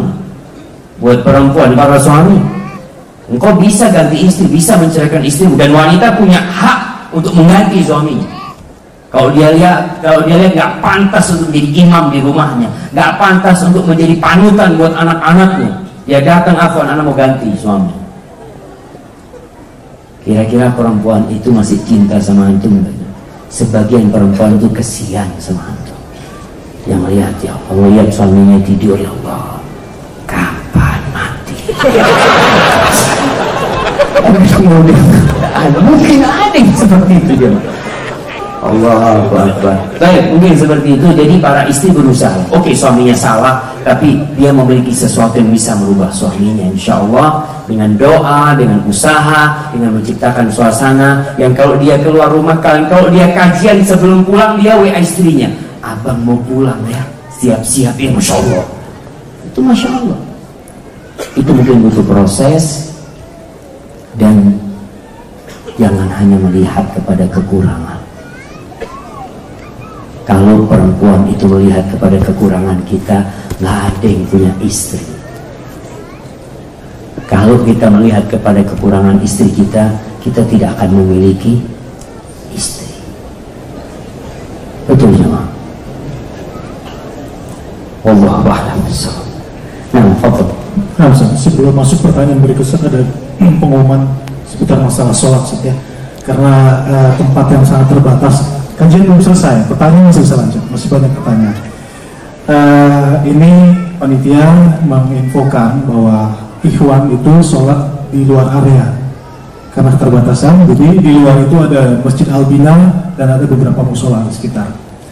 Kemudian ahwat sholat di bawah di ukuh stage. Jadi di bawah sini ada sholat. Nanti kita juga flow keluarnya, maka kita biarkan dahulu kan ahwat keluar, baru nanti kita insya Allah yang ikhwannya keluar. Sekolah khair. Masya Allah, ini demi menghormati akhwat ya. Jadi laki-laki diusir nggak balik lagi sudah. Laki-laki balik lagi insya Allah. Karena ibu-ibunya di sini Ustaz. Masuk pulang dulu Ustaz. Ustaz, kita lanjut ke pertanyaan berikut. Ini uh,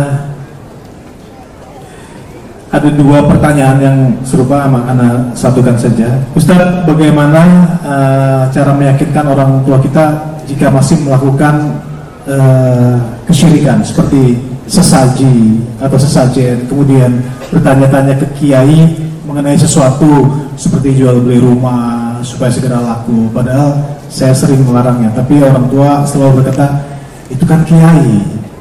Itu segala saja lah. Barakallahu fikum. Jamaah, yang pertama kita memang harus hati-hati mengatakan ini syirik atau bukan.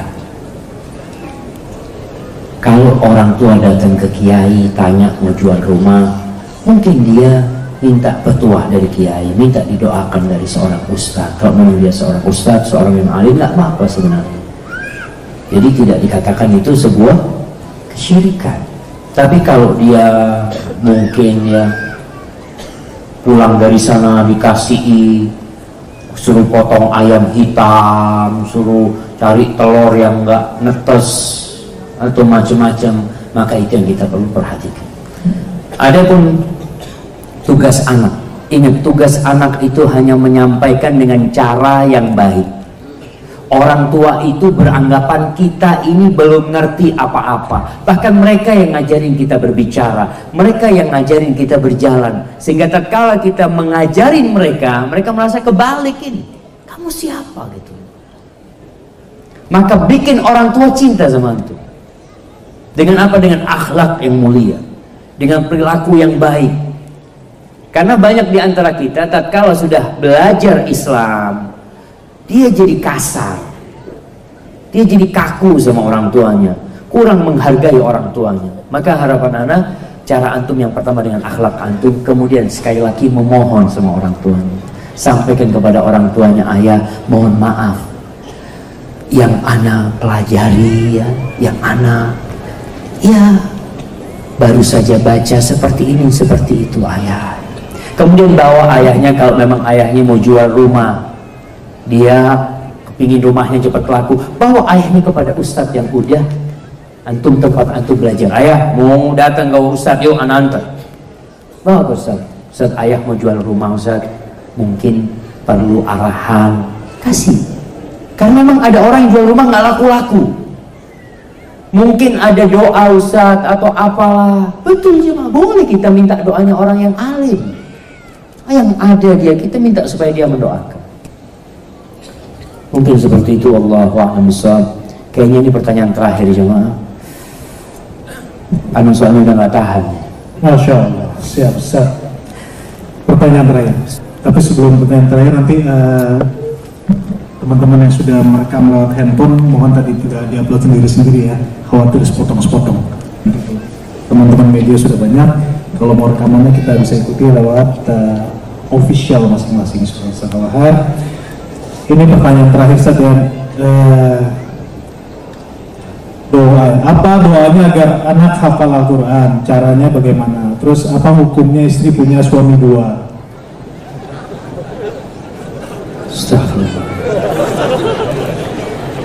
Istri punya suami dua? Nggak ada istri punya suami dua. Itu pelacur. Gitu. iya cuma cuma memang ya kalau kita melihat masyarakat kita ada berapa juta muslim di Indonesia? Dan apa ada berapa banyak yang tersentuh dengan dakwah ini? Ada berapa banyak yang sudah sholat berjamaah ke masjid? Ada berapa banyak yang masih melakukan kesyirikan? Tugas kita besar sekali. Kalau pertanyaan seperti ini masih muncul apa hukumnya istri bersuami dua? Berarti PR kita semakin berat Antum yang hadir sekarang. Jadilah antum lentera-lentera. Setelah pulang dari sini, apa yang antum dengar antum sampaikan. Suara anak mungkin tidak sampai kepada orang-orang yang berada di rumah antum, kepada tetangga-tetangga antum, tapi antum akan ditanya sama Allah Subhanahu wa taala. Antum sampaikan kepada mereka, "Balighu anni walau ayat." Sampaikan dari aku walaupun satu ayat kata Nabi sallallahu alaihi wasallam. Kita harus bersinergi. Tugas dakwah ini tugas kita bersama bukan hanya tugas ustaz. Kalau bicara bagaimana memiliki anak yang hafal Al-Quranul Karim ya tentunya yang pertama dengan doa dan usaha. Minta sama Allah subhanahu ta'ala khususkan waktu sama anak. Hindarkan anak dari hal-hal yang membuat dia terlena karena sekarang banyak orang tua sudah memberikan handphone kepada anaknya. Silahkan kasih handphone sama anaknya tapi nggak connect sama internet. Isi handphone itu sudah disetting sama antum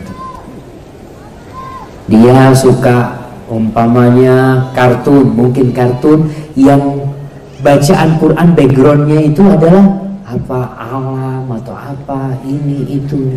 Kemudian orang tua harus sabar ada waktu khusus duduk memurojaah anaknya yang cuma panggil guru ada sebagian orang tua memasukkan anaknya ke ma'had ke pesantren dengan harapan hafal Quran sampai rumah tanya nak sudah sampai juz berapa Alhamdulillah ayah juz 27 Alhamdulillah Alhamdulillah Nanti pulang lagi sampai juz berapa? Alhamdulillah sudah 30 juz Al-Quran. Ya Allah, Alhamdulillah. Nggak pernah didengerin sama ayahnya.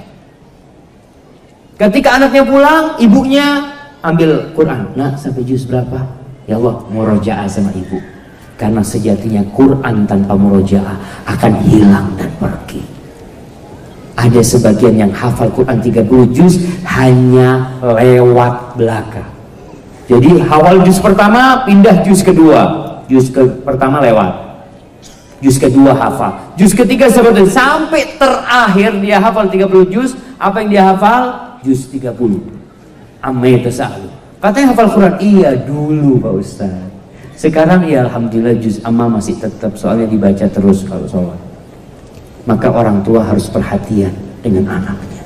Panggil guru dan hormatin guru Quran khairukum man ta'allama al-Quran wa 'allamahu di antara semua guru yang ada di muka bumi ini yang terbaik adalah yang mengajarkan Al-Qur'anul Karim dan orang yang belajar Al-Qur'anul Karim karena masih melihat ya guru matematika panggil privat Masya Allah gaji satu juta. Dua juta. Masuk ke bimbingan belajar Masya Allah bayar mahal. Ngaji. Sama ustadz Masya Allah. Berapa gaji guru ngaji jemaah?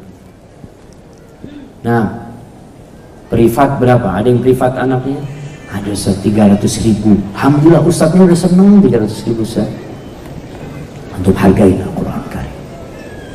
Itu guru yang ngajarin antum untuk jawab pertanyaan malaikat di kuburan nanti. Bukan guru yang ngajarin anak antum untuk jawab pertanyaan di kelas. Maka itu harus bersiapkan. Hada wallahu a'lam jamaah ana nggak kuat mau ke belakang? Hada sallallahu ala nabiyina Muhammad wa ala alihi wasallam assalamualaikum warahmatullahi wabarakatuh. Serahkan kepada Abu Tako Masya khairan. Atas segala nasihatnya. Barakallahu fikum. Nah uh, Baik demikian mungkin uh, kajian kita bersama guru kita Ustaz Syafiq Jasan bersama. Uh, Mohon ibu-ibunya dulu mungkin yang keluar ya untuk sholat. Tapi anak tidak tahu mekanisme anak kita yang kehilangan ibunya. Sini sayang